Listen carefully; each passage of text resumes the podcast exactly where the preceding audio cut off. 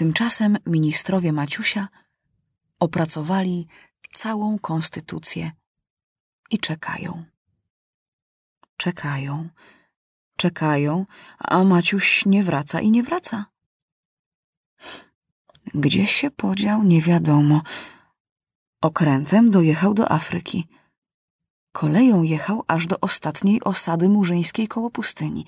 Mieszkali w namiotach i oficer białego garnizonu rozmawiał z nimi. Potem przyjechały wielbłądy od króla ludożerców, ale dalej nikt nic nie wiedział. Aż tu przychodzi telegram, że król Maciuś żyje, że już wsiadł na okręt i wraca do domu. Jak się Maciusiowi wszystko udaje, mówili z zazdrością zagraniczni królowie. Szczęśliwy ten Maciuś, mówili ministrowie i ciężko wzdychali, bo myśleli, że jeśli im było trudno poradzić sobie z Maciusiem, kiedy wrócił z wojny, to ile trudniej będzie teraz, kiedy wraca z kraju ludożerców. Jak wrócił z wojny, to nas do kozy wsadził, a teraz kto wie, czego się tam nauczył. Jeszcze nas pozjada. Maciuś wracał bardzo wesoły, że mu się tak podróż udała. Opalił się na słońcu, urósł, miał doskonały apetyt i nie wiedząc, co mówili między sobą ministrowie, postanowił sobie zażartować. Jak się zebrali na królewską naradę, król Maciuś pyta się. Czy koleje już naprawione? Naprawione, mówi minister. To dobrze, bo inaczej byłbym pana kazał ugotować w krokodylowym sosie. A nowych fabryk dużo zbudowano? Dużo, mówi minister przemysłu. To dobrze, bo jak nie, to bym zrobił z pana nadziewaną bananami pieczeń. Ministrowie takie mieli przestraszone miny, że Maciuś wybuchnął śmiechem. Panowie, mówi Maciuś, nie bójcie się mnie wcale. Nie tylko ja sam nie zrobiłem się ludożercą, ale mojego przyjaciela Bumdruma uda mi się, mam nadzieję, przekonać, żeby rzucił ten swój dziki zwyczaj zjadania ludzi. I dopiero Maciuś zaczął opowiadać swoje przygody, które ministrowie z pewnością uważaliby za żart, gdyby nie to, że wraz z Maciusiem przyjechał cały pociąg złota, srebra i drogich kamieni. A już zupełnie się ministrowie rozchmurzyli, kiedy Maciuś rozdał im podarki króla Bumdruma.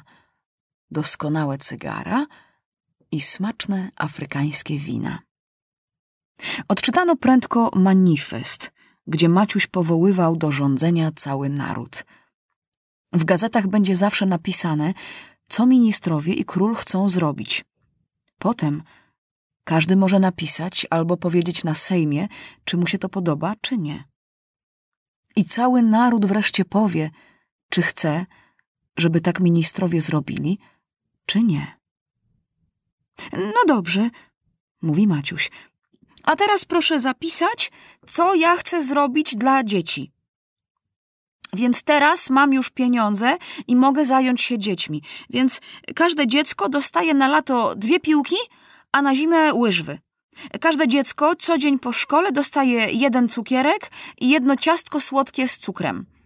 Dziewczynki będą co rok dostawały lalki, a chłopcy scyzoryki.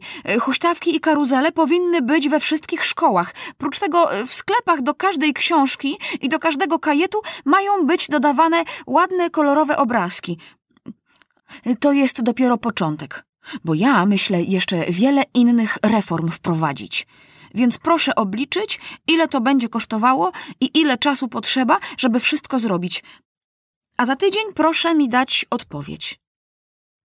Można sobie wyobrazić, jaka radość zapanowała w szkołach, jak się o wszystkim dowiedziały dzieci. Już to, co Maciuś dawał, było dużo, a piszą, że to dopiero początek i będzie więcej różnych rzeczy. Kto umiał pisać, pisał do króla Maciusia list, że prosi jeszcze o to yy, i o to. Całe worki listów przychodziły od dzieci do królewskiej kancelarii. Sekretarz listy otwierał, czytał i wyrzucał. Tak się zawsze robiło na królewskich dworach, ale Maciuś o tym nie wiedział. Dopiero raz widzi, że lokaj niesie kosz z papierami do królewskiego śmietnika. Może tam jest jaka rzadka marka, pomyślał Maciuś, bo zbierał marki. Miał nawet cały album. Co to za papiery i koperty? pyta się Maciuś. A bo ja wiem, mówi lokaj. Patrzy Maciuś, a to są wszystko listy do niego. Zaraz kazał te listy zanieść do swego pokoju i wezwał sekretarza. Co to za papiery, panie sekretarzu? Pyta się Maciuś. Y, to są listy nieważne do waszej królewskiej mości. A pan każe je wyrzucać? Tak się zawsze robiło. To źle się robiło, krzyknął porywczo Maciuś. Jeżeli list jest do mnie pisany, ja jeden tylko mogę wiedzieć, czy ten list jest ważny, czy nie. Proszę moich listów wcale nie czytać, tylko odsyłać do mnie, a ja będę wiedział, co z nimi zrobić. Wasza królewska mość, do królów przychodzi bardzo dużo różnych listów, a jakby się dowiedzieli, że je królowie czytają, to by się nagromadziły takie kupy, że nie można by sobie poradzić. I tak dziesięciu urzędników nic innego nie robi, tylko czyta listy i wybiera te, które są ważne. A, a jakie listy są ważne? Pyta się Maciuś. Ważne listy są od zagranicznych królów, od różnych fabrykantów, od różnych wielkich pisarzy. A nieważne jakie? Do waszej królewskiej mości najwięcej piszą dzieciaki. Co komu przyjdzie do głowy. Siada i pisze. A niektóre tak gryzmolą, że nawet przeczytać trudno. No dobrze. Jak wam trudno czytać listy dzieciaków, to ja będę czytał, a tych urzędników może pan wziąć do innej roboty. Ja też jestem dzieciak, jeśli pan chce wiedzieć. A wygrałem wojnę z trzema dorosłymi królami i odbyłem podróż, na którą się nikt nie mógł odważyć. Królewski sekretarz nic nie odpowiedział, tylko się nisko ukłonił i wyszedł. A Maciuś zabrał się do czytania. Król Maciuś miał taką naturę, że jak się wziął do czego, to robił z zapałem. Godzina upływa za godziną, a Maciuś czyta i czyta. Już kilka razy zaglądał mistrz ceremonii przez dziurkę od klucza do królewskiego gabinetu, co tam Maciuś robi, że nie przychodzi na obiad. Ale widzi króla pochylonego nad papierami, więc boi się wejść. Rychło się Maciuś przekonał, że nie da rady. Niektóre listy były napisane bardzo niewyraźnie. Te Maciuś prędko zaczął odrzucać ale były bardzo ładnie napisane i bardzo ciekawe listy. Jakiś chłopiec napisał do Maciusia list, co zrobi, jak dostanie łyżwy. Drugi opisuje, co mu się śniło. Trzeci pisze, jakie ma ładne gołębie i króliki i chce dwa gołębie i jednego królika podarować królowi Maciusiowi, ale nie wie jak. Jedna dziewczynka napisała wierszyk o królu Maciusiu i przysyła mu ten wierszyk z ładnym rysunkiem. Druga dziewczynka opisuje swoją lalkę, która bardzo się ucieszyła, że niedługo będzie miała siostrzyczkę. Dużo listów było z rysunkami. Jeden chłopiec przysłał Maciusiowi w prezencie cały album pod tytułem Król Maciuś w kraju ludożerców. Rysunki nie były bardzo podobne, ale ładne i Maciuś z przyjemnością je obejrzał. Ale najwięcej listów było z prośbami. Jeden prosi o kuca, drugi o rower, trzeci o aparat fotograficzny, czwarty pyta się, czy zamiast piłki nie mógłby dostać prawdziwego futbolu.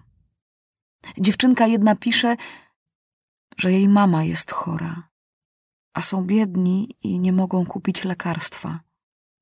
To znów jakiś uczeń nie ma butów i nie może chodzić do szkoły – on nawet przysyła swoją cenzurę, że się dobrze uczy, tylko nie ma butów. Hmm. Może zamiast lalek i piłek lepiej było buty wydawać dzieciom? Pomyślał Maciuś, bo na wojnie nauczył się szanować buty. Siedzi tak Maciuś i czyta. Ale poczuł, że jest strasznie głodny. Więc zadzwonił, kazał sobie przynieść kolację do gabinetu – bo nie ma czasu, bo ma pilną robotę. I siedział tak Maciuś nad tymi listami, aż do późnej nocy. Znów mistrz ceremonii zaglądał przez dziurkę, dlaczego król spać nie idzie. I jemu, i wszystkim lokajom bardzo spać się chciało, a nie mogli się położyć przed królem. Listy z prośbami odkładał Maciuś osobno na kubkę. Przecież nie można zostawić bez lekarstwa matki tej dziewczynki. Nie można butów nie dać pilnemu uczniowi. Już oczy bolą Maciusia od czytania. Już odrzuca bez czytania wszystkie listy niewyraźnie pisane, ale i to jest przecież niesłuszne. Niedawno Maciuś też pisał bardzo niewyraźnie, a podpisywał ważne papiery. Jakieś dziecko może mieć do niego ważny interes i pisze tak, jak umie. A nie jest winne, że jeszcze nie umie dobrze pisać. Ci urzędnicy, pomyślał Maciuś, mogą mi przepisywać na czysto, niewyraźnie pisane listy. Ale kiedy przeszło jeszcze parę godzin, a na stole leżało może dwieście albo więcej listów, Maciuś zrozumiał, że nie da rady. Ej, chyba jutro skończę, pomyślał Maciuś i smutny bardzo udał się do królewskiej sypialni. Czuł Maciuś, że jest źle. Jeżeli co dzień tyle listów będzie musiał czytać, to już na nic więcej nie będzie miał czasu. A rzucać do śmietnika listy to przecież straszne świństwo. To są ważne listy i ciekawe listy, tylko dlaczego jest ich tak dużo?